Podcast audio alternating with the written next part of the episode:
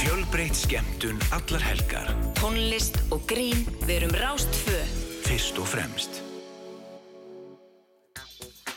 Já, komið sæl og blessuð. Þá leggjum við að stað hér á Rástfö í þættinum fram og tilbaka. Ég heiti Felix Bergsson og það er mér mikill heiður og gleði að fá að sitja með ykkur allt hér fram til tíu frétta.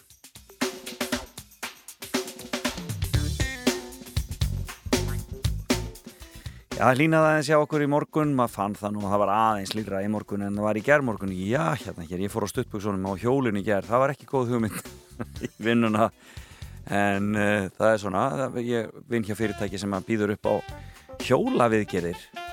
Eða svona að, láta fara yfir hjólið á vorin, það er frábært þegar starfsmannafélagi býður upp á þetta. Og Dr. Bæk var hérna stattur hjá okkur í gerð, þannig ég fór á stuttbúksunum En uh, við skulum vona að þetta verði nú eitthvað skára svona næstu daga. Það vísu, það eru ansi bláar tölur í kortunum í augnablikinu en það, ég, ég er samt að segja ykkur, það var hlýra samt í morgun hér á höfuborgsvæðin en það var í, í gær. Það er svona, það er spurning hvernig þetta verður og ég bara hveti ykkur til að fara varlega hvar sem þið eru. Það eru ansi bláar tölur í kortunu í dag. En svo fer það nú vonandi hlínandi hjá okkur eftir því sem líður á vikuna og gott ef þið farið ekki að sjá sólina aðeins fyrir norðan. Það mun og gleyði ykkur. Það er mikill þáttur framöndan, ég var vona góðum gesti hér í fimmun eftir smá stund. Það er eh, engin annar en formaður eh, BSRB, Sonja Ír Þorbergsdóttir, sem ætlar að koma að setja sér hjá okkur. Það voru mikið á hennar könnu undanfærið, náttúrulega búið nýkominn að ASI-þingi og, og svo standa einhver aðgerið til en, fyrir dyrum en svo langar mig líka aðeins að kynna Sonju Ír og eh, hvaðan hún kemur og hver þessi er, hver hún er.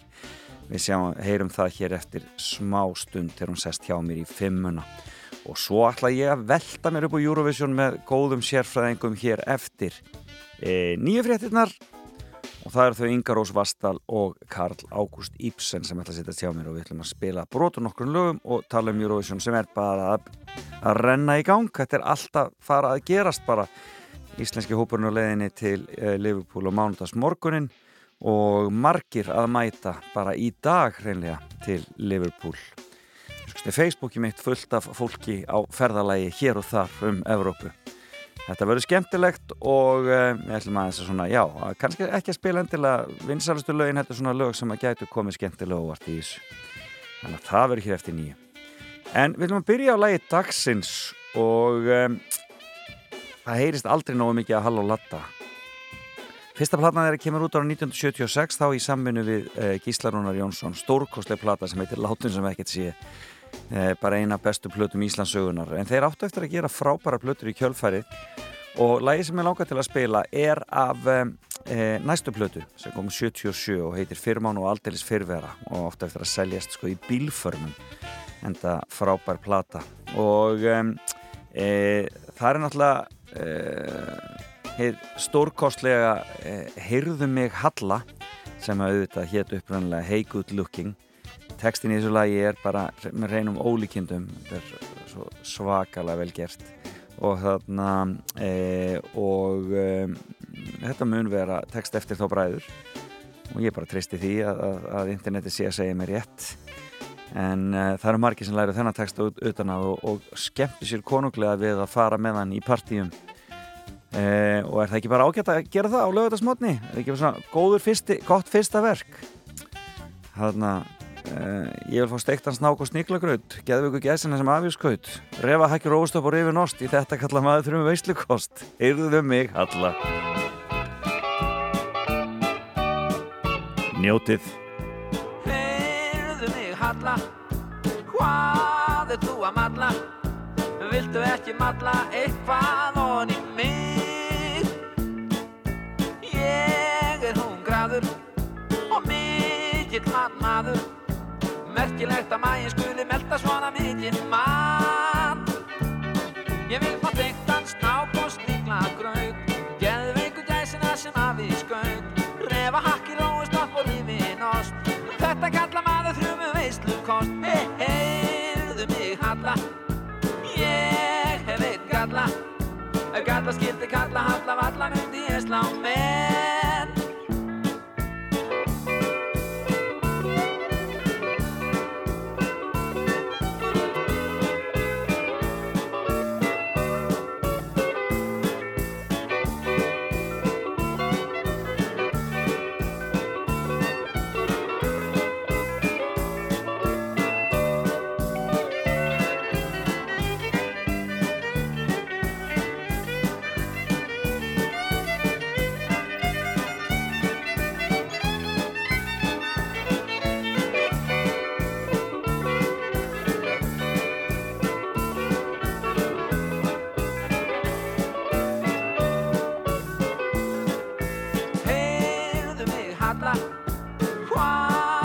að malla. Viltu ekki malla eitthvað og í mig?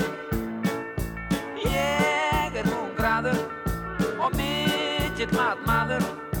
Merkilegt að maginn skuli melda svona mikill mat. Ég vil fá stiktan snák og sníkla graut Geðveiku gæsina sem afinn skaut. Refa hakki róst upp og rifin ost Þetta kalla maður þrjumu veislu kost Hei, hei, mig halla Ég einn galla Ef galla skildi kalla halla valla myndi ég slá með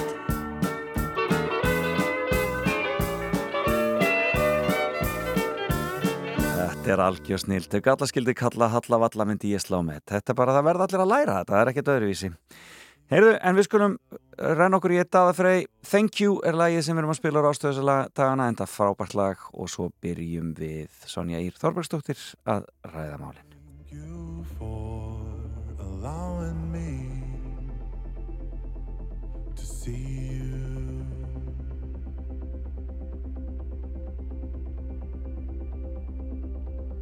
And thank you for being here, lending me a time. But first of all, thank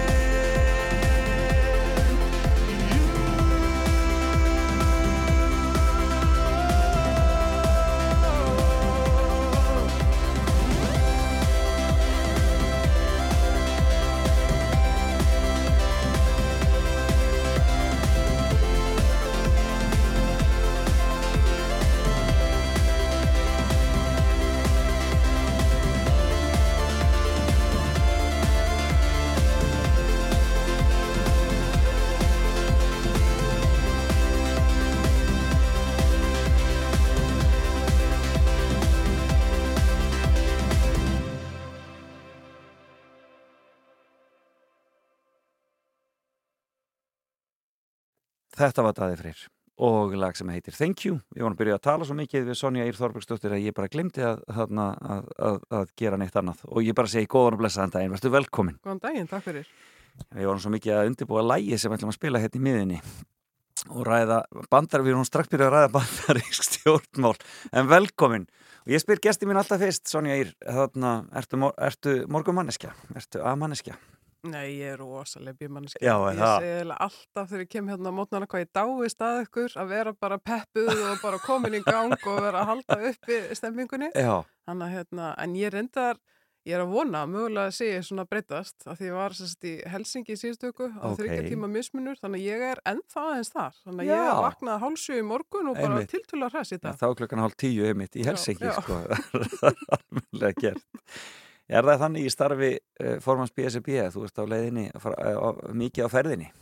Við erum í norrænu samstarfi sem er allavega svona 23 fundir á ári Já. og svo erum við líka í Evrópusamstarfi og það er svona svipað og, og svo er alþjóðasamstarf, þú veist að öll þessi samtök eiga aðelda samtökum og, og þessum hérna vettvangum og, og það er svona sjálfnar, það er kannski á fimm ára fresti. Já, akkurat. En við vorum um í Ástrali á, á þingi alþjóðasambandsverkefliðsfélag í november. Það munar ekki um það. Nei.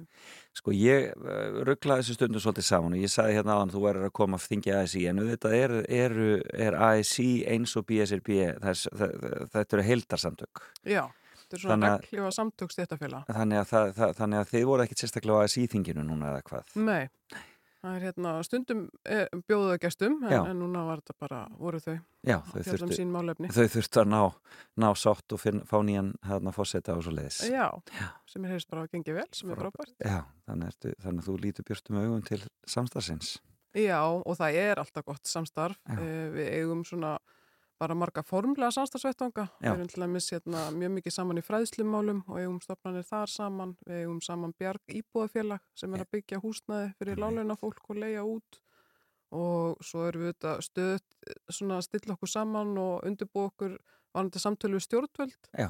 Og mjög mikið nefndastar sem að fylgir svona starfi skil þetta það er, já. kannski ef maður segja að skilgreiningin sé svolítið svo að að stjættafélögin er að berjast fyrir því sem að fólk færi gegnum kjærasamning Já, og svona Mhm. og svo eru við þá kannski meira í þessu sem að er stuðningu stjórnvalda eða svona þetta velferðarsamfélag Já, ég skil, ég skil. Hvernig stendur á því þú ferði inn í þennan, inn í þennan bransa á sínum tíma? Þú ert lögfræðingur, almennt, en varstu alltaf, hafður alltaf brannst alltaf fyrir, fyrir kjaramál og verkalýsmál?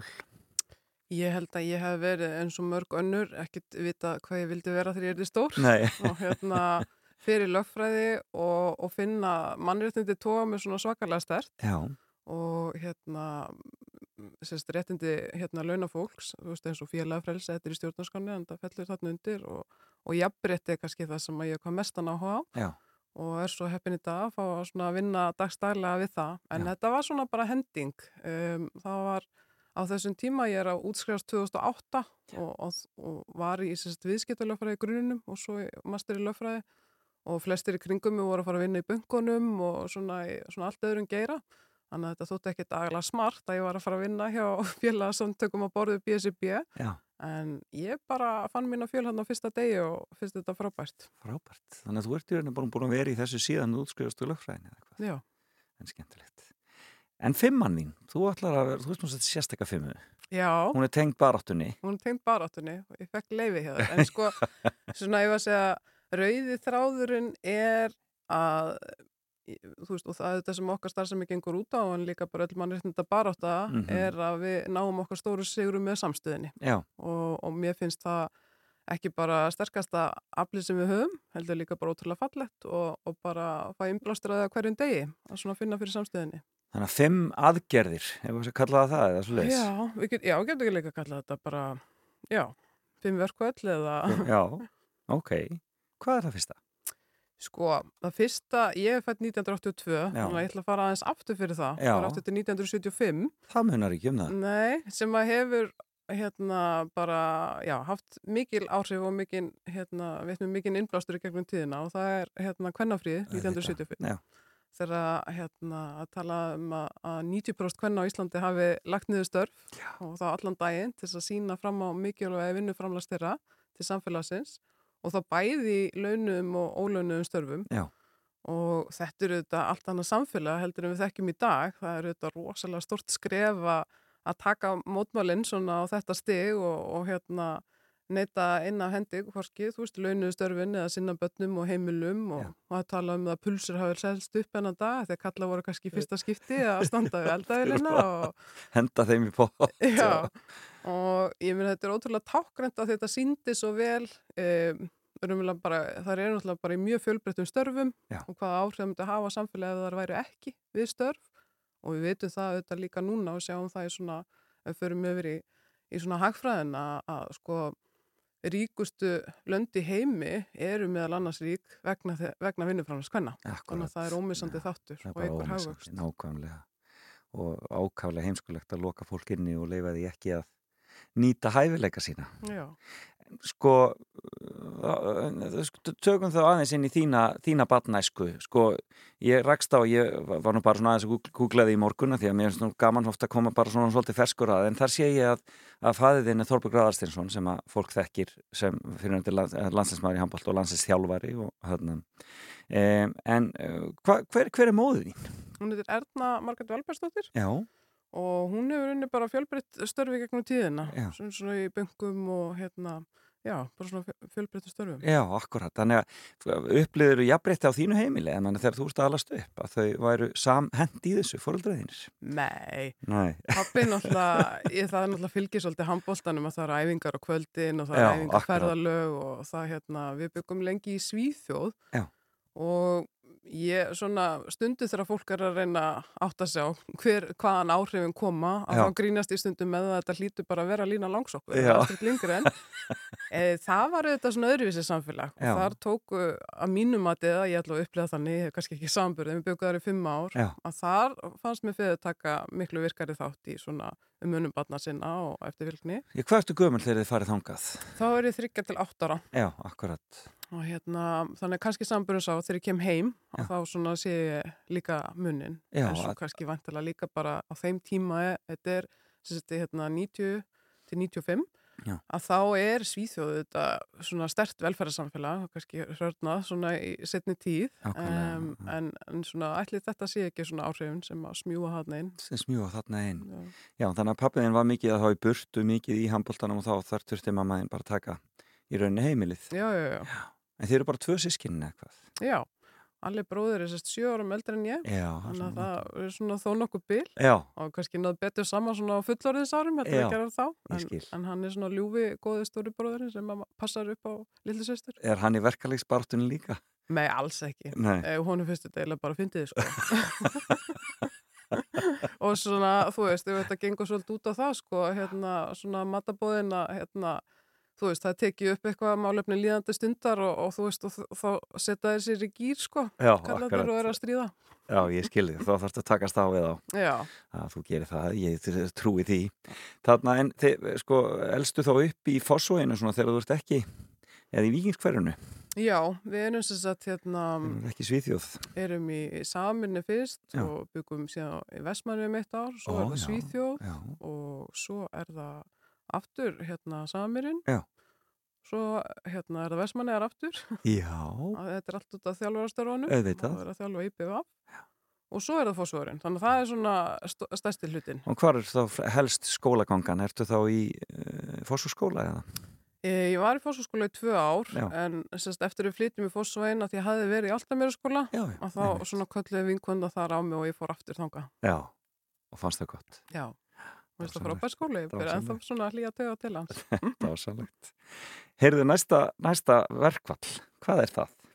Um, það sem sagt hafa verið haldið hérna sex hvenna verkvöld eða hvenna frí en árið 2016 að þá hérna er verið að byrta launaransókn sem að sýnir bara að það gengur mjög hægt áfram í baráttunni við að tryggja launajabrétti kynjana um við. fræga. Og þá verður svona kveikjan að því að, að, hérna, að halda hvenna verkvall. Já. Þannig að þetta hefur ekki alltaf verið svona línulegt að það sé tíu ára á milli Einmitt, eða álíka. Um, en það sem er líka svo gott við hérna kvennafríið og, og svona er sko aðstandundi kvennafrís eins og þarna 1975 eru umverulega konur úr öllum áttum. Einmitt, það, það, það gerir það svo stert. Já, þú veist, þá ertu með samtök hérna, sem er í kvennréttindabaráttu, þú ert með pólitíkina, þú ert með stjættafélögin Já. og það eru bara, já, kannski ólík sín og, og lífskoðanir en Einmitt. það saminst allir um þetta og þannig að 2016 og þá kemur aftur að því að hérna, það er verið að kalla alla saman þess aðla, hvort Mhm. þeir hafa áhuga að undirbúa og, og hérna, já, kvennaverkvall eða kvennafrí og, og þá var skipað svona framkvæmdahópur Já. sem voru fjóra manneskjur tvær frá Kvennrættafélaginu og einn frá ASI og einn frá BCB og ég var svo heppin að fá að undirbúa það, að búa til eitt svona galdra moment. Og það var stórt, það var stór dagur.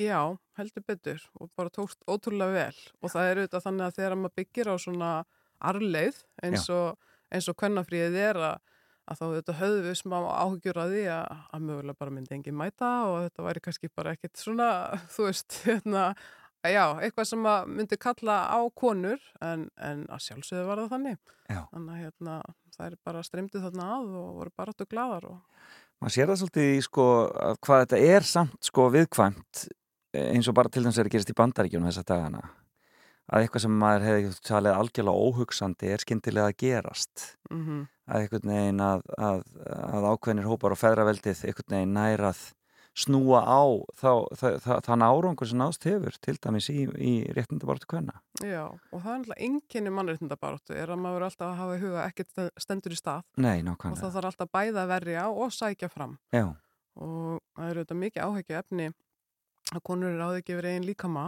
og, og það sé verið að snúa við hæstaréttadómi hérna í bandaríkjónum hvað það varðar e, við sjáum það líka, ég menna við horfum yfir heiminn allan að þá er ekki meiri hluti landa sem eru með líðræði nei, og, og ég meina það fyrsta sem að svona einræðisherrar gera eru þetta að veikja mynd starfsemi stjættafila e, veikja réttindi kvenna og svo framvegis. Já, og þess vegna held ég um líka að muna það þó að við kannski búum við ákveðin forréttindi hér Mhm. þá er ekki fullu jafnrétti náð en, en við erum líka fyrirmynd. Og það hefur verið stór hlut af mínu starfi og okkar hjá stjættafélunum og eins og kvennréttindafélaginu og svo framvegis Já. er að segja frá okkar baráttu aðferðum hvað árangri við höfum náð og svolítið að smita út frá sér. var fjölskyldaðin pólitísk E, já, pappi var í hérna, frambóði fyrir sjálfstæðislokkin í já, borgarstjórnarkostningum kringum það einmitt, já. 90, Já, já. Og hérna, Þannig að það var að mikið verið að ræða pólitík á heimilinu eða svolítið Já, þú, ekki þannig að ég hef verið þáttakat í því, Nei. ef ég hafa verið alveg hinskilin. Eh, en auðvitað svona, þú veist, ég meni ég þekkti þeirra hugmyndafræði Já. og hérna maður svona áttaði þess á því en þetta var ekki svona, það var meira svona öðrum heimilum sem að hérna var öllið svona sterkar. Er. en fóstu þá í einhverju upparist eða svoleiðis á unglingsárunum? Um, ég, sko, ég grína stundum með það að það er ástæða fyrir því ég er feministi hérna, og, og, og stundum tek ég grína eða lengur og segja sko feðraveldi að ítt mig fram að brúninni. Já, uh, mér þykir afskaplega vænt um fólkið mitt en, en skoðanir okkar og lífsinni eru mjög ólík. Já, þannig að það er áhugavert. En hvert fyrir mentaskóla? Ég fór í Vestlunarskóla Íslands. Já. voru allir vinnindir að fara þanga það var alltaf bara rétt hjá alltaf mér að skóla Stuttar, stuttar rölda yfir Já, í efsta leitið. Þarna, eða í ofanleiti. Já. þarna og hvernig leiðir þar? Ég á þessum tíma eins og, eins og ég var að nefna á hana þegar maður veit ekki hvað maður vil verða svo framvegis að ég, ég mér langaði alltaf miklu frekar að fara í eitthvað svona listnám Já. þannig að ég var svona held ég einstinni svona frekar ósátt við þetta val að vera að koma á svona hálgert svona viðskipta Já. skóla Mm eh, en þarna eignaðist ég dýrmættan vinkonuhóp sem að við erum ennþá í sambandi í dag og það er kannski þær minningar um félagslífi sem að standa eftir Já, og svo lærir mann og ég mislega sem nýtist mann í Já, framhaldinu eins og í þí- þínu starfi núna hlýtur að vera Já. Þarna eh, varstu svona að taka þátt þá í listastarfinu í Vestló, vildur fara í nefndamót og annað slíkt?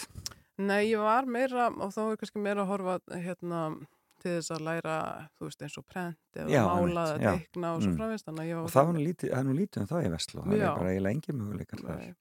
Og ég myndi sé það núna í gegnum dóttir mína sem er mentskólum í sund að Já. það er svona meira svigrum fyrir val sem er Já, frábært, þannig að hún getur verið alls konar, hefur verið fatahönnun og leir og alls konar. Akkurat.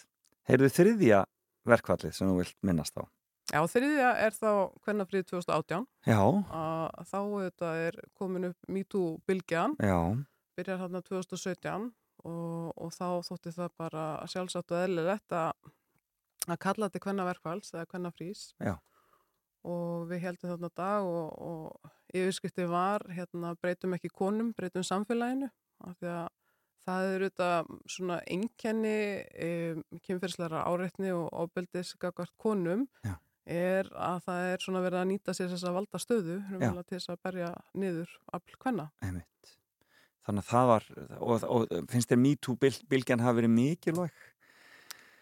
Ég held hún að við kollvarpa þessu sjónarhortni sko, ég minna við förum, við förum náttúrulega frá því að það er ekkert mjög langt síðan það sem að sko heimilisofbeldi þótti vera engamál heimilisins Nákvæmlega. Og, og ég held að það er kannski ekki margir átt að segja á hversu kerfibundið þetta er, kerfisbundið þetta er og þetta sé nýtt sem sko valdatæki Já.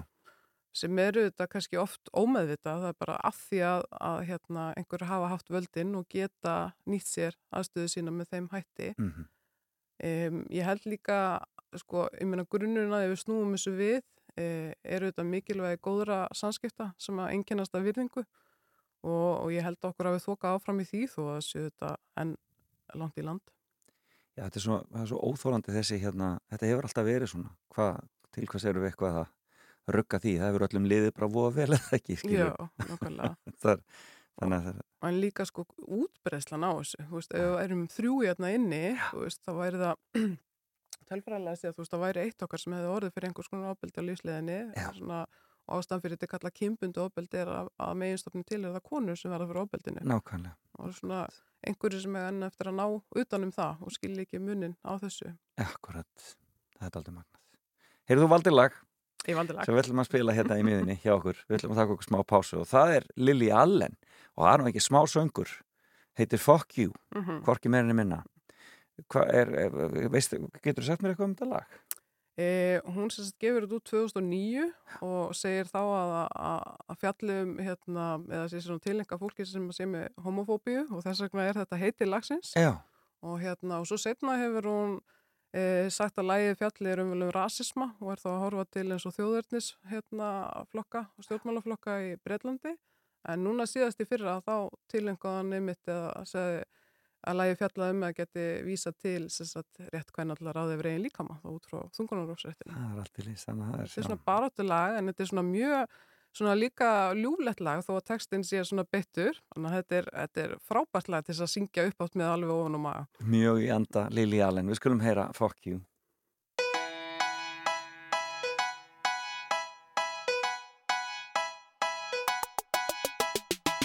Look inside, inside your tiny mind, then look a bit harder. Cause we're so uninspired, so sick and tired of all the hatred you harbor. So you say it's not okay to be gay, well, I think you're just evil. You're just some racist who can't tie my laces. Your point of view is medieval.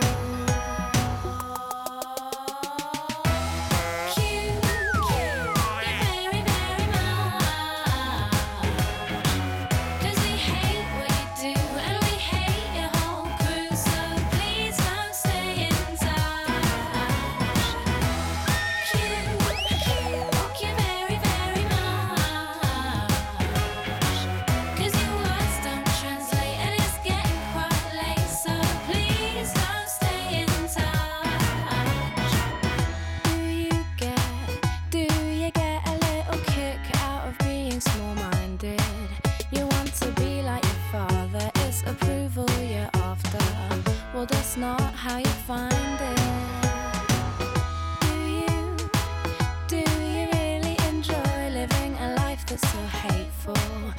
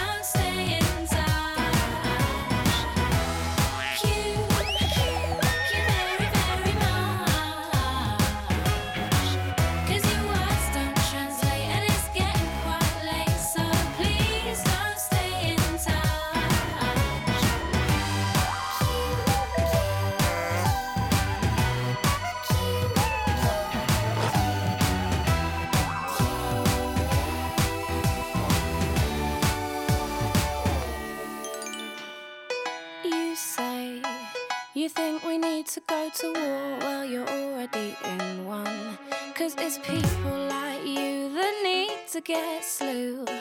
No one wants your opinion.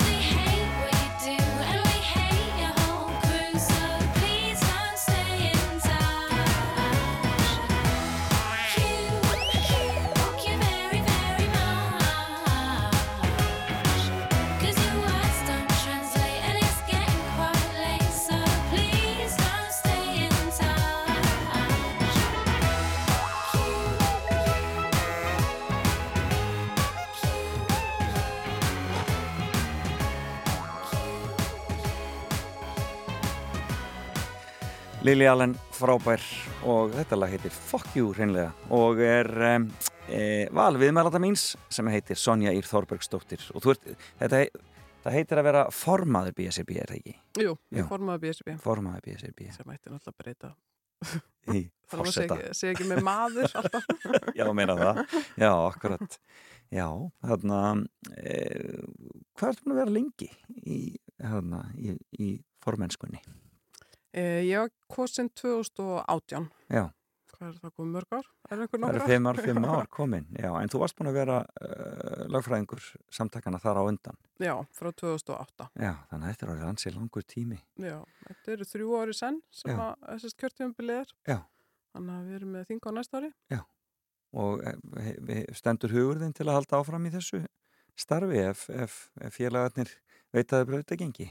Mm, Ég hefur einhvern veginn svolítið einkent að, að það, ég er búin að setja mér einhver markmið sem ég ætla að ná í þessu starfi.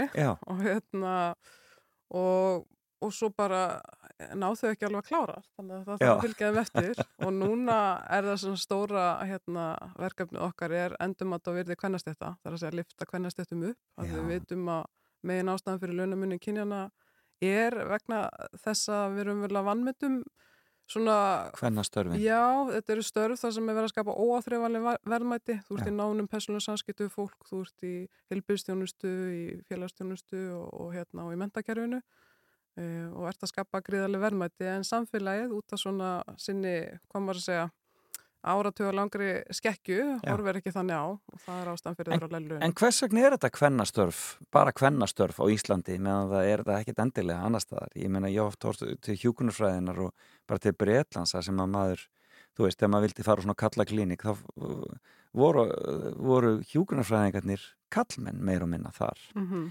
E, og, og það eru mjög margi kallmenn í hjúkunum þar til dæmis, en það er bara sérstvallega kallmaður í hjúkunum á Íslandi. Það er enda mjög misjant eftir löndunum en, en sko rauðið þráðan er einmitt þessi að, að, að þú veist, það er kynskiptu vinnumarkaðar allstaðar Já, og launin eru lærri í stjættum þar sem að konur eru meira hluta. Já. Það eru mjög margir sem spurja sér en það er ekki, það er ekki bara konur þessum stjættum Nei. og nei, það er alveg rétt en, en svona annarkvort sögulega í dag er þá meiri hluti einmitt, einmitt, einmitt. En ástæðan fyrir valinu er einmitt út frá þessum hugmyndum sem við höfum um hvað konur gera og hvað kallar gera. Já. Þú veist, þetta hefur áhrif. Kynja tvíhyggjan, alltaf. Nákvæmlega. Og svo eru þetta svona, hefur samfélagi talið það mjög lengi að það sé bara svona konum eðlislegt að gefa af sér, eðlislægara heldur en köllum og þess vegna þurfum við ekkert að greiða sérstaklega fyrir það, sko. Það er magnað. Já, Það er mjög höfert. Heyrðan, við erum búin með þrjú verkföll í fimmuniðinni. Já Og þetta er á þetta? Er allt, þetta er allt hvenna verkföll. 75, 2016 og 2018. Já. Og hvað er það fjórða? Já, þá förum við úr hérna kvennabaróttunni, förum bara yfir í baróttu launafólks. já, E, í síðustu kjærasamsviðraðin sem við vorum í, sem að voru alveg rúmlega ár, við Já. undirritum kjærasamlinga e, 9. mars 2020, að þá var stóra baróttumáli styttingu vinnuvökunar já, og við erum raunverulega, að því ég var að nefna þarna áðan að ég hef alltaf einhver verkefni eftir og þetta er verkefni sem við hjá BSB höfum verið að vinna í sko rúmlega áratug Já. Og þegar við byrjuðum að tala um þetta þá fengum við svona viðbröð eins og frá hérna atvinnureikundum að þetta er efnaðaslegt hriðjuverk, ekki meira en minna og, og þá er þetta svona stór hluti af okkar vinnu er að, maður að segja, bera framþekkingu og staðrendir og, og benda á rannsóknir og hvað þetta hefur gengið vel og svo framvegis já og svona reyna að þoka þessu áfram. menn eftir nú þekkja Noreg. Já, Það er allir hættir að háti á föstu degi. já. Og það sé svona að það sé gagkvæmur ávinningur af þessu. En ég meina, megin markmið með stýtningu vinnugunar eru þetta bara að auka hamingu. Að Akkúrat. þú hafir sko tíma og orku til þess að lifa og vera með þínu fólki og, og en líka bara að sinna sjálfu þér. Og ég held þekki það mörg í dag að, að, að við upplýðum allavega að það sé of skammu tími til þess. En þið þurftuð ekki að fara í verkfall til að berjast fyrir því. Jú, við þurftum nefnilega að gera það. Við vorum sem sagt, þetta var umvel tvískipt, við gerum þetta ólíkt eftir því hvort þú var í dagvinnu eða vaktavinnu. Já. Og í dagvinnu þá vorum við að byggja á því að þetta væri algjörlega komir ávinningur. Að þyrfti ekki að hérna, koma til auka fjárframlags frá atvinnureikundum að því það væri hægt að endurskipilegja vinnudaginn og ná þannig vinnuvikun úr 40 stundum í 36. Já. Þannig að við byggum til svona heimild í kjærasamlingum til þess að gera þetta og, og náðum þeim áfanga einhver starfning kringum oktober, november 2019 Já. og það er einhvern veginn svona gangur kjærasannisviðrana að veist, við komum með okkar kröfur og við komum með okkar hugmyndir og atvinnur geta náttúrulega bara sagt nei nema að sé ykkur alveg þrýstingur Já. og vaktavina var miklu erfiðari af því að þá vorum við kröfum enn meiri styttingu fyrir vaktavinu fólk heldur en dagvinu fólk Einmitt. af því að það bara slítur miklu meira hefur miklu neikvæðar áhrif á hilsuna en að Einmitt. vera að vinna allan sólarhingin og, og það myndi þetta þýða hérna aukin fjárframlög ég meina ef við varum að vinna á spítala þú veist, við tökum hérna allan sólarhingin og það er einhver sem að minka vinna sína það er einhver að koma á einhver móti. að móti, og, hérna, og það gekk bara mjög hægt og svona var líka svona kaplaskipt stundum eh, var svona þokaðist aðeins áfram en ekki nægilega og svo bara dattið allt niður og við náðum engu samtali og svo framvegs þannig að það var þarna í janúar 2020 var bara ljóst að að það myndi ekki tafast nema við myndum fara að undirbúa verkvælsaðgerðir og, og það bara gekk svo ótrúlega vel að því þetta var fólk orðið líka langþreytt að því að það var búið að vera langar kjærasannisviðraður Einmitt. en þau voru svo einbytt í því okkar félagsfólk að, ná þessu mikilvæga áfanga og, og við vitum þetta sem er að þegar svona breytingar eru innleitar að Mhm. þá þetta tekur tíma, alla breytingar taka tíma og það eru mjög margir stjórnundur en það núti sem sjá ekki ljósið og það er erfitt að eiga við það Mm en, en þetta eru samt, þetta eru tímamót þú veist, þetta er breyting á vinnutíma á Íslandi og því við erum nú að fara Bardós eitthvað fyrsta mæ Já, að þá er það sko fyrsta krafa launafólks þegar fyrsta kröfugangan er gengin í heiminum 1886 að þá er það 8 tíma vinnudagur, 8 tíma kvíld og 8 tíma svefn. Akkurat. og við náum ekki því 40 stundar vinnuöku eða þessu markmiði fyrir sko 1972 á Íslandi. Er þannig að þetta er mjög hæg þróun. Þannig að löngu tíma bara að stýta vinnuökuna og við erum bara enn frekar. Já, og þá vorum við búin að undirbúa þessar hérna, atkvæðagreislur og verkföll og það var rífandi þáttaka og, og afgerandi stuðningur við þau og, og svo hérna á sama tíma er, er að hérna, banka upp á okkur heimsvældur nákvæmlega. og hérna þannig að þetta var orðin bísna þröng staða en, en það hafði svo áhrif að fólk væri tilbúið í aðgerðir og til þess að afstýra verkvöllum og þá svona á, á sjöttu stundu að þá undirrituðu kjæra samningu og kláruðum þetta stóra verkefni. Já, og nú er 36 stund að vinna vika. Já, það er umverulega heimil til þess í dagvinni og langflesti komnir þangað um, en þetta verður áfram viðvarandi verkefni og, og hérna þetta var í kjæra samningu okkar ofnböru vinnumarkaði og, og almenni er svona eh, annarkort komin á sama staðið á leiðinni en, en það er ekki allir konum með 32 stundar vinnu sem er næstu því eins og fjáradaga vinnu Hvernig er tilfinningi þegar eitthvað svona næst í gegn? Þú upplifir að þetta er næst í, þetta er í sögulegt. Þetta eru þetta sögulegt en ég held maður Hvernig átti finnst þér, finnst þér að stert að þú sérst svona hluti af sögunni, að þú sérst að leiða þarna eitthvað sem komi til með að skipta þúsundir og hundruður þúsunda máli? það sem kannski þú stendur eftir og, og ég er hvað stoltust af er aftur, þú veist, þessi samtaka máttur, þú veist, Já. þetta hefði aldrei náðst nema að því að okkar fólk var bara ákveðið því og mikill hugur að þetta yrði að verða veruleika núna Já.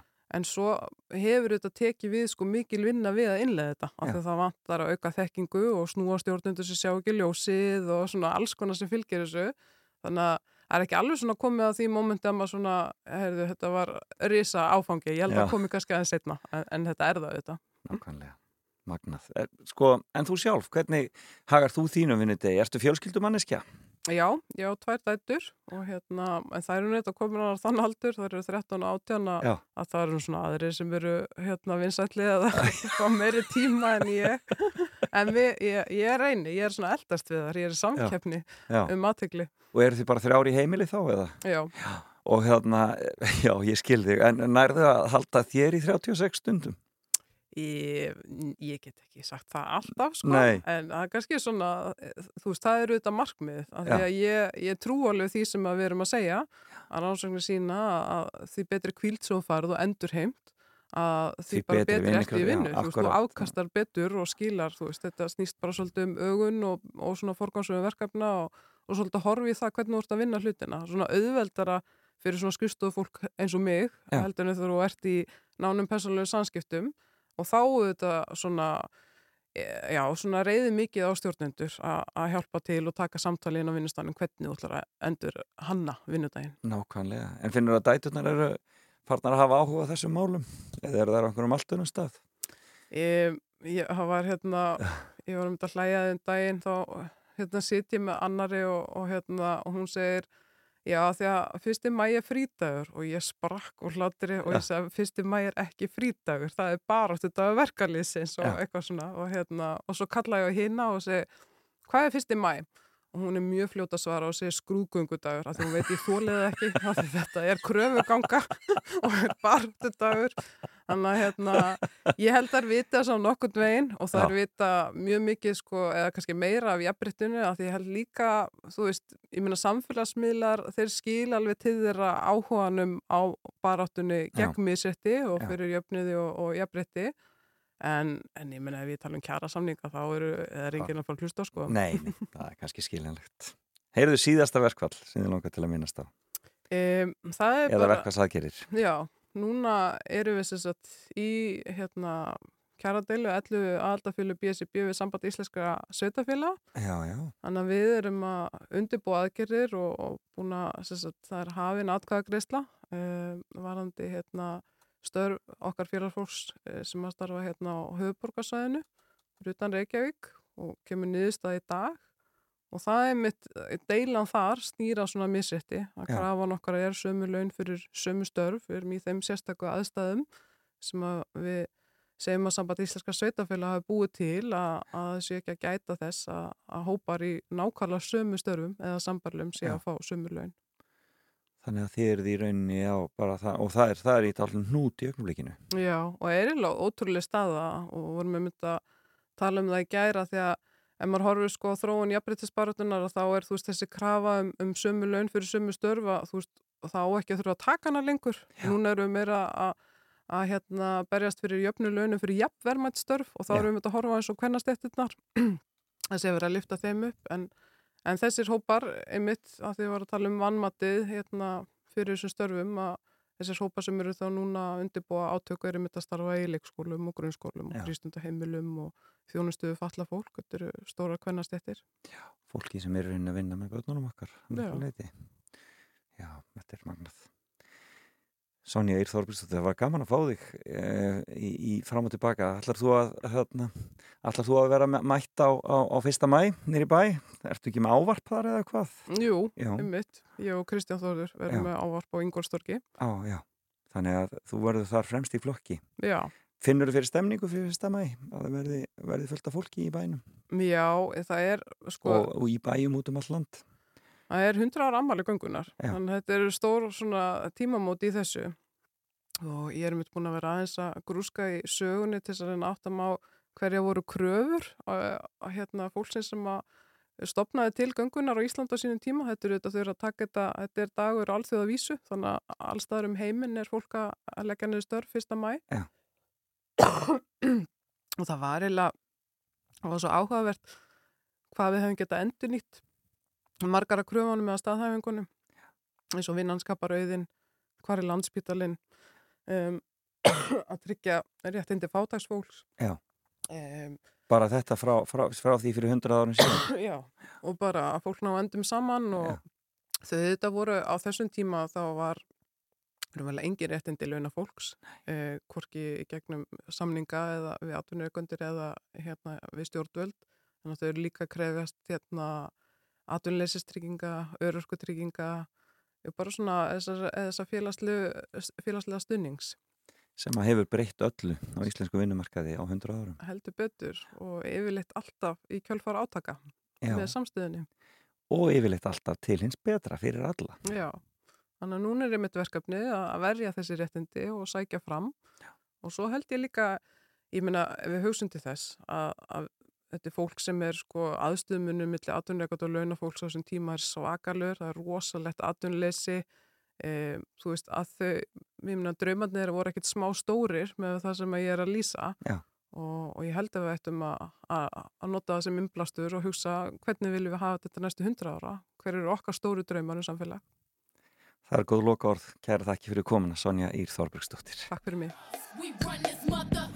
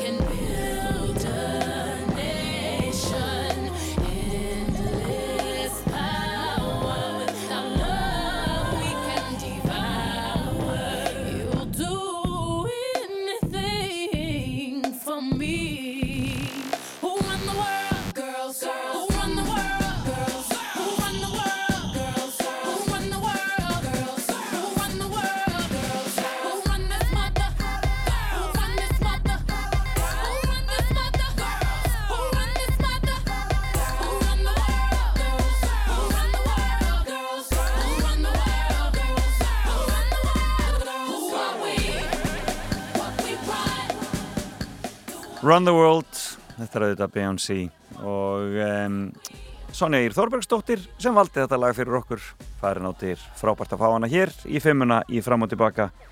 E, frábær fulltrúið þarna ferðinni. Og þið muni, ef þið mistuða viðtalinu þá verður þetta komið inn á alla miðla e, eftir að þessum þætti líkur og það er hægt að hlusta á fimmuna en að Sonju sem voru fimm verkföll hvorki meirinni minna Góðan daginn Ísland. Fram og tilbaka á Rástvö.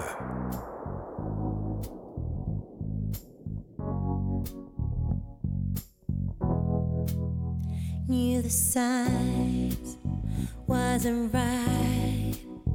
I was stupid for a while, swept away by you, and now I feel like the fool. So confused, my heart's bruised. Was I ever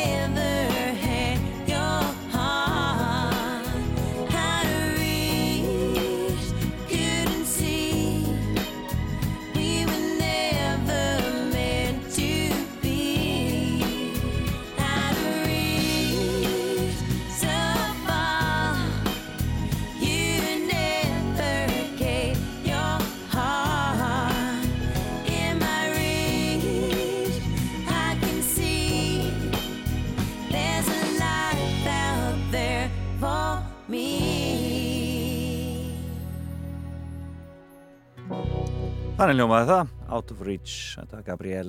Það fyrir að líða að nýju fréttum hér hjá okkur á Rástvö og e, síðan ætlum við að halda áfram e, hér í fram og tilbaka og e, það verður Eurovision sem verður undir næsta klukkutíman og e, þau koma til mér hérna Inga Rós Vastal og Karl Ágúst Íbsen miklir Eurovision sérfræðingar og við ætlum aðeins að skoða svona lögin sem er að keppa í Eurovision í ár og kannski svona lögin sem er ekki mikið verið að tala um en gætu gert það gott í keppninni.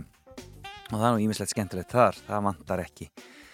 Og svo minn ég þetta á alla leið í sjónvarpinu kvöld. En ég ætla að fara að taka mér smá pásu, fylla á kaffiballa minn, hleypa fréttstofuna að og svo höldum við áfram í fram og tilbaka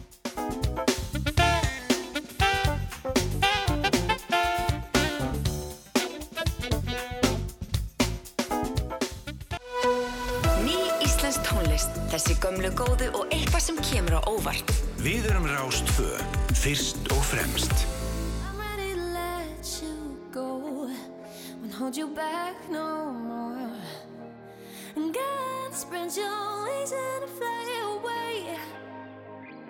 And carrying you way too long. like an obsession. I thought you were a living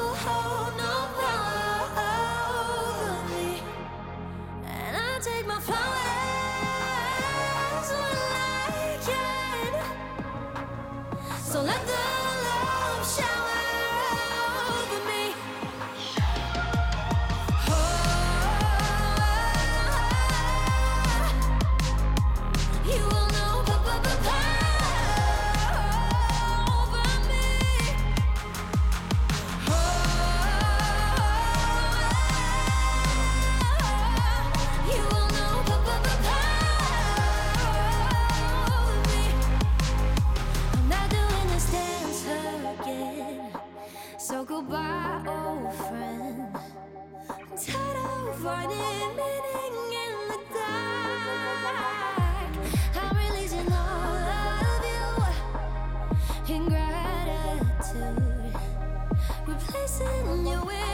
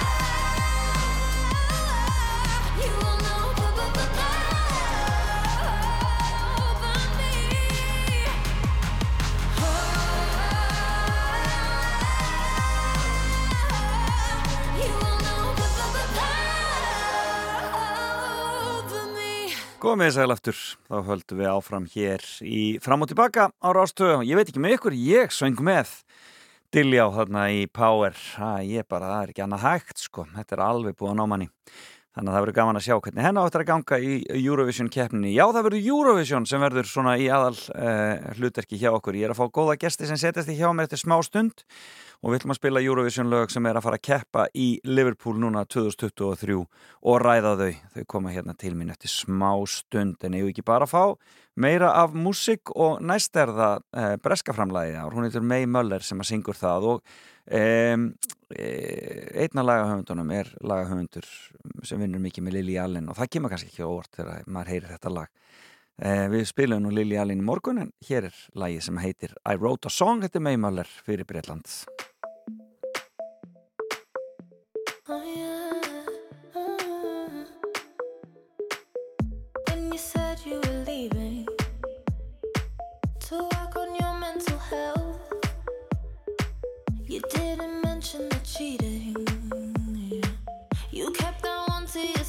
fuck up some apples was gonna cost you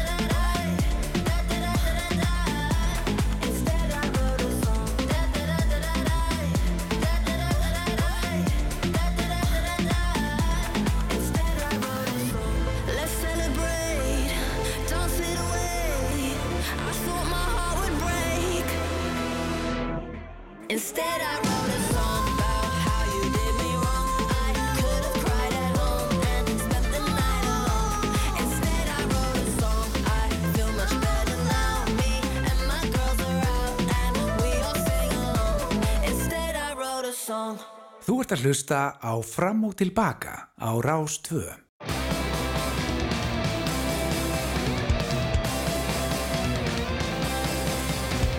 Мама купила трактора. Мама купила трактора. Мама купила трактора. Трайна Нина Армагеддонона. Мама купила трактора. Мама купила трактора. Мама купила трактора. Трайна Нина Армагеддонона. Mama ljubila morona Mama ljubila morona Mama ljubila morona Krajna Nina Armagedonona Mama,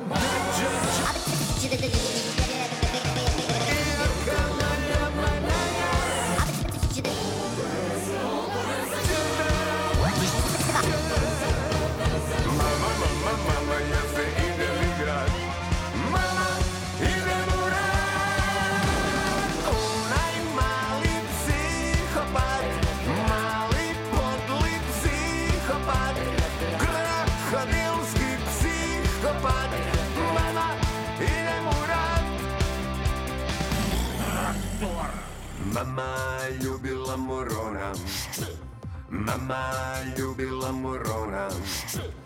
Mama ljubila Já, nú eru sumir sem spyrja hvort að ég sé alveg búin að missa það en ég er svo sannlega ekkert búin að missa það. Þetta er eitt af löguna sem keppir í Eurovision í ár. Þetta er kroatíska framlagið Mama Stj eða eitthvað svo lis og um, e, ég kom með góða gesti.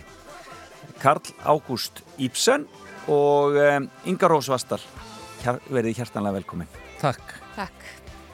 Hvað segið þið um þetta? Hérna kroatíska framlag, sko, þetta fekk rosa fína einhvern í alla leið Já, menn voru mjög hrifnir þar þetta lag, sko, á maður að segja alvenst vel. Já, En það venst vel já, og það er náttúrulega kannski svolítið sérstakt með Eurovision lög, þau megi ekkit venjast, þú verður að fíla þau strax. En það sem að ég er svolítið hissa á En þetta er náttúrulega atriði sko, það sem er svolítið skemmtilegt, þú veist, þetta, er, veist, þetta er, þetta er þryggja mínna svona listaverk, Já, sko. já. Ég ætla að snúa aðeins hérna borðinu við og, og spurja þig sem, sem stýri hópsmann, Já. hvers vegna leiður þessu lægi að vera í keppninni? Þetta er svo Já. pólitíst. já, meina það. Minnst það frábært sko, ekki er ég að gaggrina. Það En náttúrulega er bara verið að syngja um einræðisherra, en það er kannski ekkert verið að syngja um einhverja sérstaka einræðisherra. er það ekki? Já, Já, það er nema, ykkar- þú, já. nema þú vilji lesa í það. það Uh, já, já, við sjáum náttúrulega að þetta er þarna sungið um mömmu, Já. Króatíu, sem er hvað Rússland kannski. Mamma er ástungin á fáráðlingi, síkópata. þetta er ekkit pólitískt neitt. þetta er ekki til pólitík í þessu. Herður Ingar, hvað, sko, ég veit að þú ert hrifin á austuríska framleginu. Já, Það mér finnst það mjög frumlegt. Já. Skemmtilegu texti og hérna, ég hlakka til að sjá Hvernig á Akkúrat. hvernig það verður á sviði. Ég, ég held að það standi svolítið að fatti með því. Þetta, hei, það heitir Húða Hellis Edgar Já, og fjallar í rauninni bara um konur sem er að reyna að skrifa en það er alltaf verið að vísa í Edgar Allan Poe. mm Er þetta feminískur óður? já, góð spurning. Ég bara hef ekki velt því, því sjónarátni fyrir mér. Nei. Þau tala svolítið um það. Já. Uh, þetta er sem sagt hvern höfundar að læginu Já. og þau tala um það að, að hvern höfundar fá ekki aðtegli, fá ekki tækifæri uh, í poptónlist Já.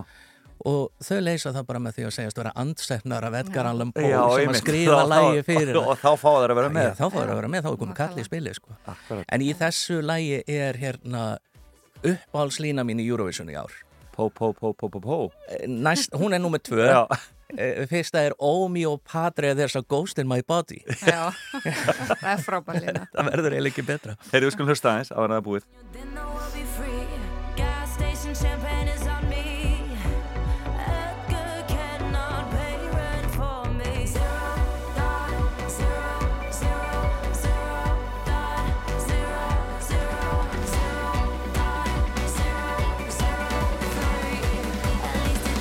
To be funny.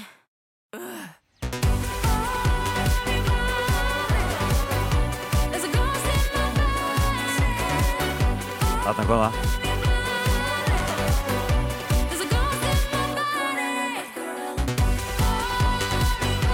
Já, það verður mjög gaman að sjá hvernig það er alltaf að sviðsita þetta. Já, þetta er með okkur í reyðli og er núna að spá sigri í okkar reyðli. En þetta er, sko, þetta er náttúrulega lagið sem sko, svolítið daðalagið í ár, sko, með Já. dansi og Já. öllu slíku. Mhm. Ertu maður að læra hann Inga Rós?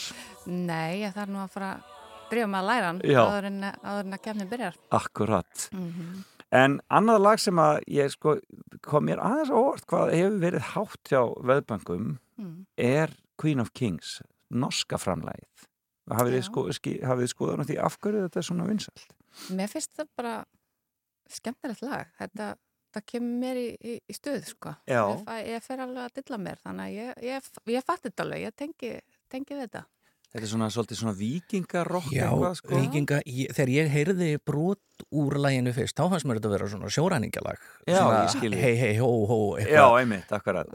Og, og, og svona sviðsendingin komið svolítið óvart af því að mér fannst þetta að vera svo mikið sjóræningjalag Já. eitthvað og svona eins og hefur verið svo miklu tísku núna undarfarið á TikTok og svona sea shanty heitir þetta þú- svona sjó, sjóaralög Já.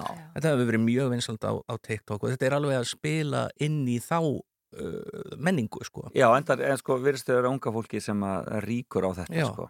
og þetta er, þetta er svona stutt uh, stutt melodía brendur tekinn aftur, aftur. Einmitt.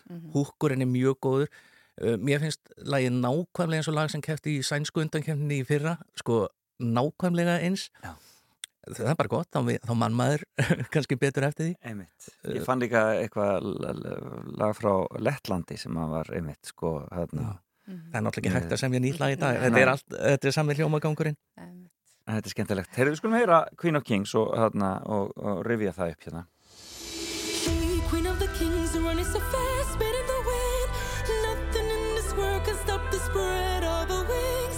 She, queen of the kings, broken her cage, threw out the keys. She will be the warrior for north and southern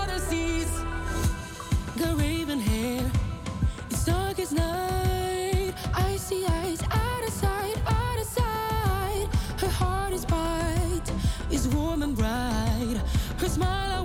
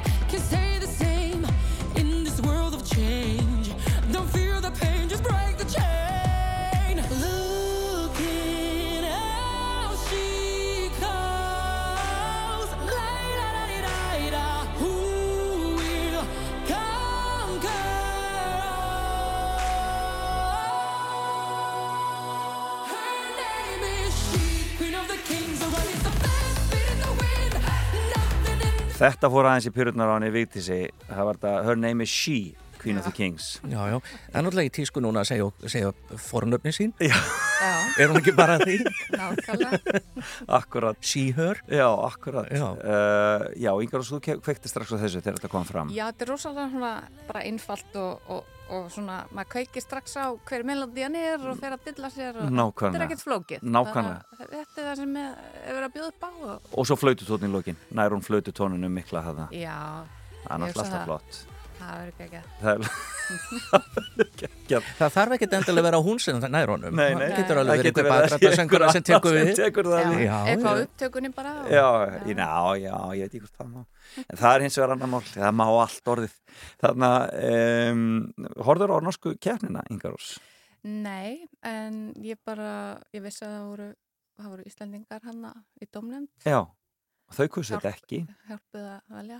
Já. Þau kusið þetta ekki, þau það- settu þetta í annarsæti. Það, það var uppnám þegar að uppþót á, á íslenska júrunördagrúpunni sem hún þetta, stýrir já. þegar að Siggi Gunnars eh, tilkynnti allt annað lag þarna og fólk var bara hvað hva, hvað eru menn að hugsa? Já, það var bara svo leis. En, en Siggi er svo frábær og á svo mikið inni að hann, honum var fyrir ekki Hún var fyrir gefið Já. fljótlega á eftir. Heyrðu, næsta lag er nú bara Finnland. Og nú spyr ég ykkur bara hér tvö. Getur Finnland unnið þetta? Nærða að taka yfir þetta, þetta ofurveldi, Loren? Mm, Já, ég er eiginlega farin að ég er farin að hallast að ég að hann taki þetta. Já, það er bara þannig. Ég var, ég var ekki alveg á þeim magni sko, en núna er ég svolítið bara, ég sé þetta momentum sem Koma. hann er að ná. Já. Hann er að ná góðu skreiði. Ég held að það kannski, já, hann, sé að toppa reyndum tíma. Getur verið að frakkarnir líka kannski koma aðeins inn í það líka? Já, mér langar aðeins að spara, svara fyrst með Finnland. Já. Hérna, að því við getum ekki verið sammála. Hérna, það verður að manna. Í getur það unnið, já, það getur allt unnið Mhm. á, á réttu, réttu, við rétta tækifæri getur allt unnið en ég ætla að lefa mér að segja að fólk sé aðeins að fara fram úr sér hérna. Uh, þetta er lag sem áttur að ganga mjög vel í símakostningu. Uh, hvort að vinnur símakostninguna samt er ég ekki alveg vissum vegna þess að þetta er, ég veit ekki um 50 um ömmun í Króatíu er hún að fara að kjósa þetta? Ég, hún fílaði kannski hatara. Hún fílaði kannski hatana, við unum ekki það er og alveg vorum, vorum ekki nálægt í að vinna hana heldur Nei, nei. og, og, hérna, og svona lög eru rosalega vinsæl meðal aðdáenda Já. og ég held að þau hafi kannski unnið Eurovision að vissuleiti nú þegar þetta er orðið svona annað svona íkonís lag sem verður alltaf spilað í öllum uppruna þáttum Ekki spurning, sko. öllum Eurovision partíum Ekki spurning. þetta er lægið úr þessari kefni Já. og ég meina hann uh, Kerja heitir hann það ekki enginn ég meina hann getur tekið krabbadansin en að Lorraine betur en hún Já. þannig ég meina það er við sigur Og svo polkan í lokin. og polka í lokin og ég meina hva, hvað viljum við hafa það betra Næ, hann er frábær. Við skulum aðeins heyra þetta. Þetta er algjör. Þetta er algjör negla. Banger, eins og Gísli Martin segir. Rankka viikkoja paljon pitkiä päiviä takan.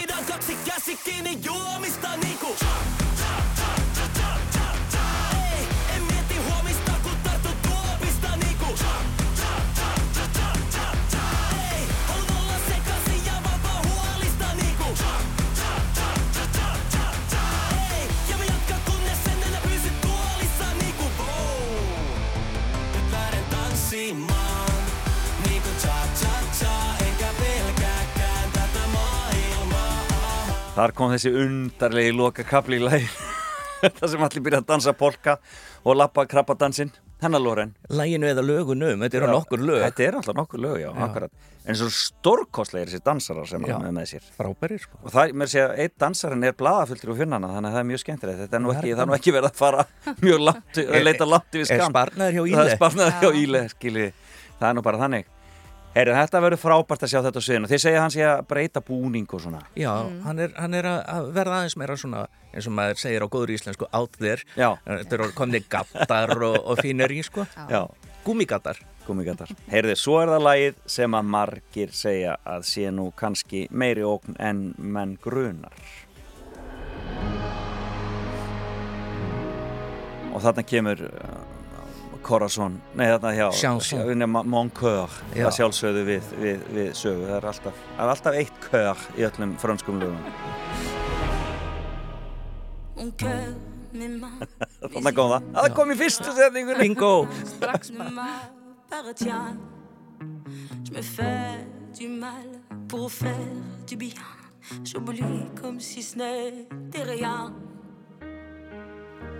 Dans mon jardin d'enfer tous tes fleurs, que j'arrose de mes rêves, de mes pleurs. On a sur le toit du monde, on ne peut toucher le ciel du doigt. Évidemment, toutes ces belles promesses que j'entends, ce n'est que du vent. Evítamón, þetta er auðvitað Frakland. Inga, hvað segir þú um þetta? Þetta er mjög flott lagasmíð, mikið lagt í þetta. Mikið lagt í þetta. Það er, það er endar bara eitthvað sem frakkar fyrst mér gera alltaf. Og ákaflega franskt á einhvern, Já. svona, einhvern uh, skrítin máta. Mhm. En Hún, er, Bara- hún, hún er kanadísk. hún er kanadísk og, og það hefur nú átt góðri lukka að stýra að- að Já. senda kanadíska söngvara í Eurovision Já. við, munum eftir Celine Já, Dion já, algjörlega. Hvað sem að sigraði Eurovision 1988 Já, uh, mér finnst þetta lag algjörlega geggjað það er negla. þetta er, þetta er svona gamaldags Jansson þannig í byrjun og það breytir svo í eðal homadisko í lokin þetta er bara, ég meina hvers hver, hver fílar ekki svona? Nákvæmlega. Uh, hún hefur samt um, fengið svo alltaf svona stæla í Fraklandi Já, það? já, hún er ekki mjög vinsæl hjá uh, áhörvendum þar eða, eða frökkum sjálfum Þegar þeir eru er- náttúrulega mjög sérstakir en, en það sem er leiðilegt er að sjónvarpið franska hefur ekki saldinni sérstaklega vel utanum hana og Það hefur svolítið skilið hana eftir á berangri með þetta og kallar hana rókafulla meira segja einhverjir svona í einhverju yfirlýsingu sem ég sá þá, eða svona einhverju viðtali. Þá var hún, já hún er svolítið rókafull en hún er bara söngkona. Og Leðendur það. er algjörlega þetta mér mér finnst hann leika bara að passa. Hver syngur svona lag og er ekki rókafull Nákvæmlega, í gríðarlega þröngum kjól og-. En það, sko, þú varst aðeins að tala um það áðan uh, þegar við vorum að byrja að rappa um þetta að þetta væri eitthvað væri annar feminista óðurinn. Uh, já, ég sko, það er endar með þetta lag Já, ég vil ekki alveg skilja hvað hann er að syngja. Nei, ég skil. Ég las eitthvað hérna einhver texta undir þá, í vídjónu þá var það textað á YouTube. Ok, og ég var eiginlega að horfa undan því ég vil bara svolítið veri, veri fá stemninguna já, fá stemninguna og bara búa til mína, mína eigin mynd í höfðinu. Nákvæmlega. En jú, jú, þetta er feminist og óður það er í tísku. Og þá Me Too eða semst eitthvað svona Já, óbeldis já, mér skilst það. Og, og, er ótrúlega samt mjög svona djúpur og, og, og svolítið erfiður texti Já, sem að ég svona á svolítið erfitt með að- Tengja við aðskilja, þetta, sko. já, já. akkurat Mhm. En sko, það eru allir að tala um tattoo Mm. Og nú er sko, þe- þetta lag er að skjóta svolítið upp talandi um sko momentum, þarna þetta franska lag það er svolítið að koma núna upp í veðböngunum allt í miklu komið í sterkara. fjóra Já. sæti Já, og í rauninni er að íta svolítið, er ekki Úkraina að íta staðins núna? Já, þeir eru ennþá í öðru sæti en, en jú, líkunar að minka enga síður sko. akkurat Þetta er svona, þú veist, þetta er svona rockar svona framtíð en tattoo er að búið vera langefst allan tíma Já. Er ekki bara, er ekki bara er ekki bara já, mun hún taka þetta? Kannski, líklega, e, á maður ekki að segja það? Líklega, lagið sem ég er í fyrsta sæti á þessum tíma í veðbanka er sennilega að fara að vinna. Já, uh, hún er, sigrar allar aðdóndakostningar, allt saman. Þetta er dálæti ársins. Þetta er gífulega mikið spila út um allan heim. Akkurat, Þetta er spil- þetta er mikla út að þetta er á spila A-spilunarlista í Breitlandi Akkurat, uh, en þannig að fólk þekki lægi en ég held að það sé ofspilað. Ég held að hún sé búin að toppa aðeins of snemma og svo má ekki gleyma því að símakostning er svíum aldrei hliðhóll í fyrra þá var hún Cornelia Jakobsdóttir. Já, já, með besta læði í keppni lang besta lægið í keppninni að mínu mati. Mhm. það er ennþá á, á stöður í spilun hjá mér. Já, og, í- í útastöðum og já, þá var hún til dæmis í öðru sæti hjá domnefndum en í sjötta sæti í símakostningu Akkurat, það, það, þetta er svolítið í það þegar John Lundvik kefti þá var hann í öðru sæti hjá domnefndum og níunda sæti í símakostningu Akkurat, það sé, sko, almenningur virðist ekki vilja kjósa svíjanna Nei. Hvað segir þú um þetta Ingarós? Heldur að það er eftir að vinna gegn henni þarna? Mm, já og nei. Ég held sko, ég held að fólk elski hana svo mikið út af Euphoria að hún kannski nær betri árangri en, en margir áður Já, akkurat, akkurat. Að hún hefur þennan svona kunnugleika, Akkurat, fólk þekkir hana. Já, hún er, og, og hún er veit alltaf með konungborinn henni. Já, hún er í Eurovision royalty Akkurat. alla leið og, og Ég held einmitt, eins og þú varst að segja með að toppa snemma, ég held einmitt að Euphoria myndi ekki vinna á sínum tíma Já. af því að það var búið að vera svo óhefði vinsælt og ég Já. bara, þetta er að toppa allt á snemma, þetta mun aldrei vinna Nákvæmlega. og það var ekki rétt hjá mér að- En ég held líka sko þegar við tölum um að toppa snemma þá kannski erum við kannski líka að tala um svolítið þá sem fylgjast alveg já. með Eurovision já, og, og atriðinnar er á allt öðru leveli hún er á allt öðru leveli. En það er nú einhverjar, einhverjar, það er nú eitthvað búið að tala um það hvað sé hægt að gera í Liverpool, hvort Já. þeir ná að hengja Já, efri hlutana samlókun upp. Já, hún, hún hefur, hún, þau eru að halda okkur í spennu með þetta. Og hún sagði síðast, ég veit alveg, sjáu þið á sunnudaginn? Já. Eh, þá hefjast æfingar hjá henni. Reynda sjáum við ekki neitt því að til allrar hamingju eh, er búið að loka á æfingar fyrir fjölmjöla fólk við fáum ekkert að vita hvað er að Loka þá gerast fyrstu sko, já, Loka það mun, fyrstu það mun, það mun sjást aðeins meira af annari æfingu. Já, mér finnst það bara fullkonlega eðlilegt þetta er tækniæfing Já. fólk er, að, fólk er að fara á svið það jafnvel syngur ekki, það bara röltir um og er að svona plassera sig á sviðinu Einmitt. þetta á ekkert að vera fyrir okkur að sjá Nei, ég meina við förum ekki inn í borgarleik og svo horfum að æfingar í leikrit Nei, nei, nákvæmlega. Þetta, var, sko, þetta kom svolítið upp og við börðum svolítið fyrir þessu íslenska hópurinn eftir, eftir uh, Mari Ólafs Já. æfintýrið í uh, Vín af því að það var, henn, fyrsta æfingin var henni mjög erfið og, það bara, og maður var bara mjög ósátt við að það væri eitthvað að fara út Já, mér finnst af þetta, henni. bara, mér finnst þetta bara líka og hún er, þetta er ekkert einstæmi með hana ég meina þetta er bara mjög algengt Já. Eh, að frábær lög einhvern veginn hrapa niður af því að Plans. fyrsta tækni plans. Fyrsta tækni er léleg. Akkurat. Fyrir ekki, þetta. er bara, þetta er ekkert uh, margtækt En það verður áhugavert að sjá hvað, hvað, hvað þeir gera og, hvað, og það mun strax leka eitthvað út af já, fyrsta æfingu, það er ekki spurning. hún sé ekki með hérna einhverja, einhverja pumpu á þessu núna? Einhverja stöngi með í henni Heyrðu, mér langar að enda þetta á danska læginu því að sko í Já. gegnum tíðina hefur, hefur Ísland kosið Danmörku Mhm. eh, hann er bara svona einhvern veginn frænd, frændseminn og, og svoleiðis og svona kannski svipaður tónlistsmekkur Mhm. eh, það er færi einhverju ár sem keppir fyrir, eh, fyrir Danmörku og hann hefur nú verið að segja fallega hluti um Dilja og okkar Mhm. hvernig finnst ykkur þessi strákur Riley? Mér finnst hann alveg voða krút, hann Já. er, Já. og lagið er svona voða þægilegt að hlusta á svona fínt útvarslag held En- hann ger ekkert eitthvað stórkostlega hlut í keppninni en, en hann verður kannski svona í ykkur miðju, miðju móði Haldið hann fari áfram í úslitin? Ég hef enga trúið Nei, Já, ég held að hann verður svona mörgórum kannski Já, Ég hef ekki trúið því og ég veit ekki alveg hvernig hann ætlar að leysa það að hann, hann getur ekki sungið blessaði drengurinn. Já, hann getur ekki sungið live. Ekki með við það sem maður hefur heyrt. Uh, Lægið er intomt autotune Já. eins og hei, ég gerir á fyrir að spila Ég ætla að spila það, já, já. Og ég meina þetta er bara autotune. það, það, það, hvernig ætlar hann að gera þetta? Það var reyndar, ég held að það hafi verið Gríkland fyrir eitthvað kýpur í fyrra sem var svona autotune lag. Mhm. og þeir leistu það mjög vel, þá var bara önnur bakgrætt á sönguna sem söng svo næst Já, akkurat, já, það var mjög vel gert. Það var mjög flott, kom skemmtileg út. kannski reddaði það einhvern veginn þannig. Uh, en það er frábært að fá færiðar með og, og hann er ungur og, og krútlegur og Já, hann er nú út orðin 23, hann þykist þeirra 12 en hann er 23 Já, já, hann lögði hvað hann væri gammal Já, sagðist þér átján. Ég var alveg að kaupa það sko. Ég var rosalegt baby face alveg. Svo sagði hann, I don't do age. Hann bara, Ég ger ekki aldur. Hann er of ungur til að segja það.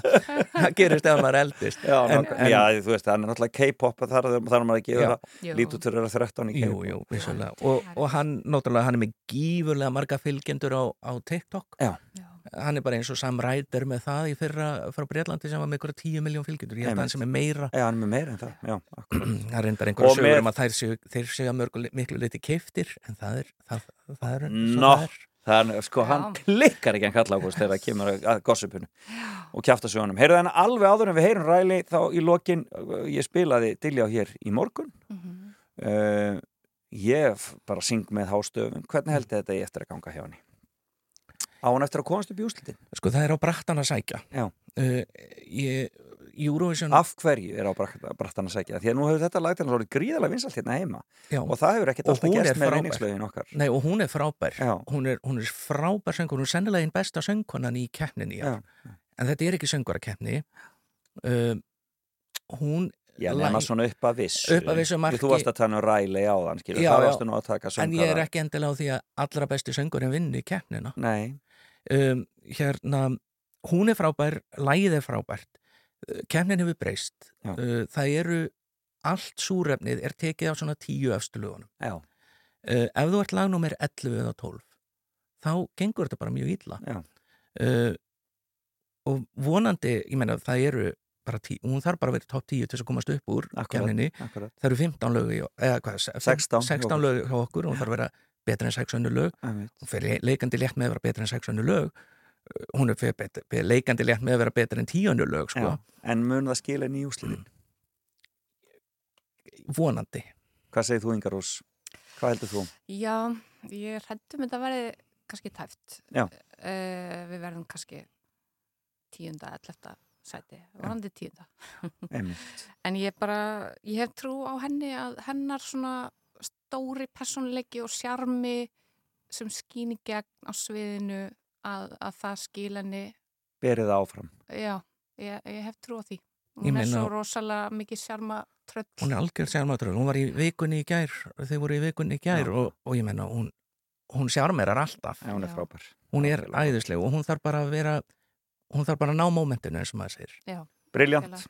Það verður farið í að vinna í því, ekki spurning. En klárum þetta með Breaking My Heart sem er framlega Danmökkur í ár, Inga Rós Vastal og Karl Ágúst Ibsen. Kærar þakkir fyrir komuna. Takk. takk fyrir okkur. Do you remember?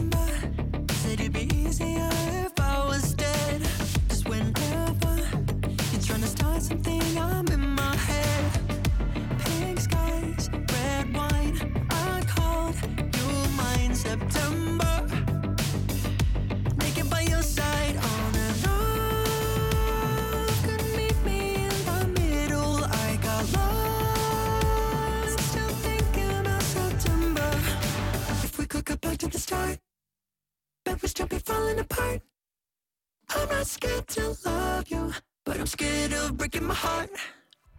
we could get back to the start, Baby still be falling apart. I'm not scared to love you, but I'm scared of breaking my heart. If we could go back to the start, bet we still be falling apart. I'm not scared to love you, but I'm scared of breaking my heart. Now I remember I used to tell you all my deepest fears when fighting. You used them just to force some tears pink skies, just like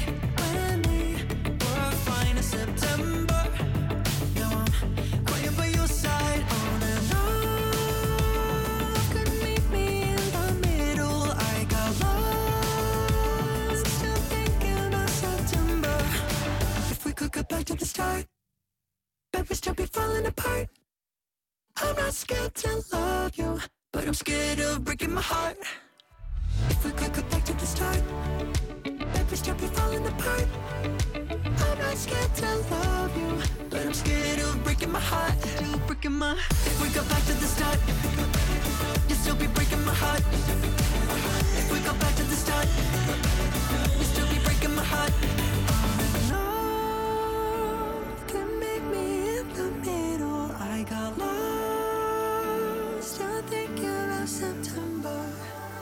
If we could go back to the start, bet we still be falling apart. I'm not scared to love you, but I'm scared of breaking my heart.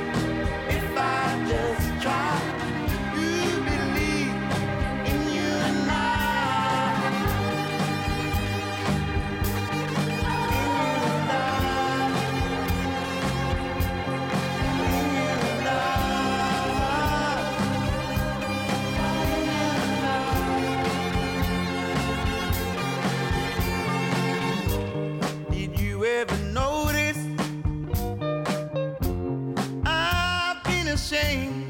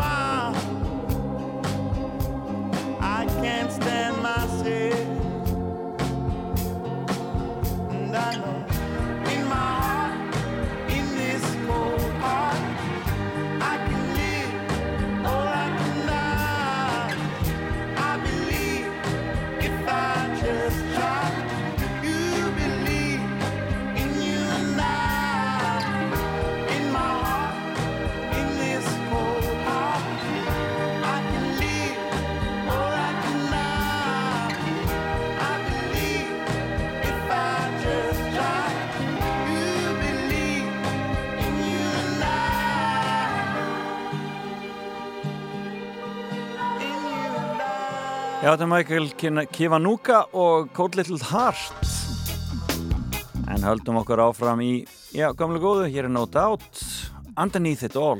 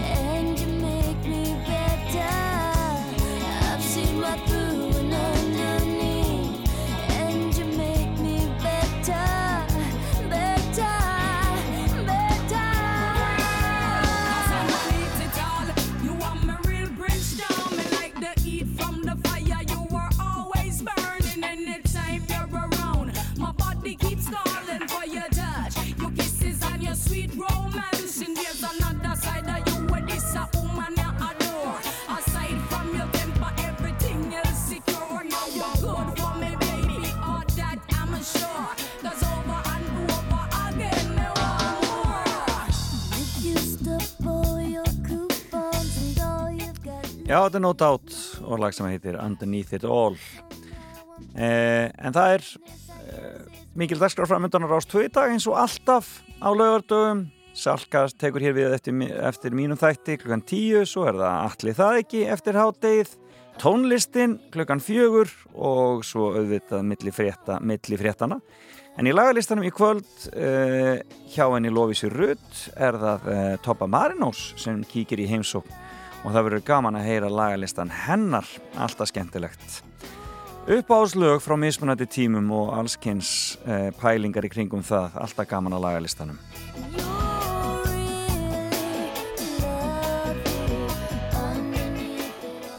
Og eh, svo eru tvö amalisbörn í dag sem verður að minnast á. Eh, já, og fleiri í rauninni. En um, það er til dæmis Ragnhildur Steinn Jónsdóttir. Hún og Amal í dag.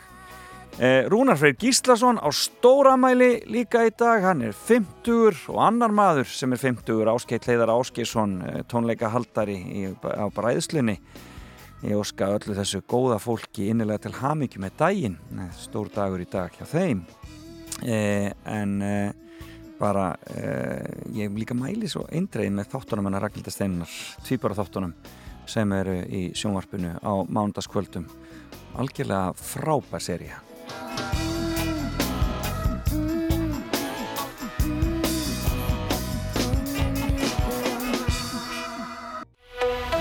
Fyrst og fremst Með þér á Rástfö.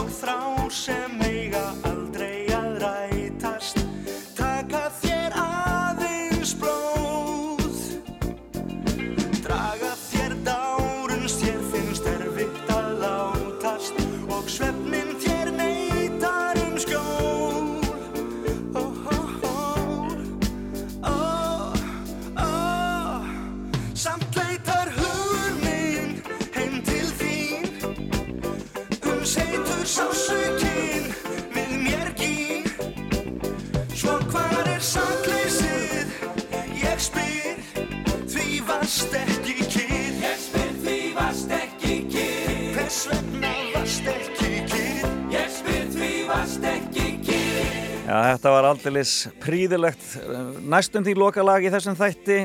Uh, hvers vegna varst ekki kyrr og ég ætla ekki að vera kyrr ég ætla að fara til Liverpool og tala til ykkar þaðan í næsta þætti. Já, svona hann verður tvískiptur og það kemur í ljós eftir viku. En ég þakka frábærum gestum mínum í dag Ingo Rós Vastal og Karl Águst Íbsen um Eurovision og Sonju Ír Þorbergsdóttur í fimmunni. Og eh, viðtölin við þetta góða fólk og þátturinn allur verða komin inn á hlaðvarp og eh, inn á rúf.is fyrr en varir En þakk ykkur enn og aftur fyrir að fylgja mér þannan morgunin. Salka Sól tekur hér við eftir smá stund. Mér langar að enda þetta á lægi sem er eitt af mínum uppáðslögum og Eurovision fyrr og síðar. Eh, hún heitir Margaret Berger sem að syngur þetta lag fyrir Noreg og gerði alveg svakalega gott mót á sínum tíma. Og nú er hún komin í hlaðvarp að ræða um uh, þessa reynslu sína en við skulum njóta lagsins sem heitir I Feed You My Love. Heyrumst aftur eftir viku. Bless, bless.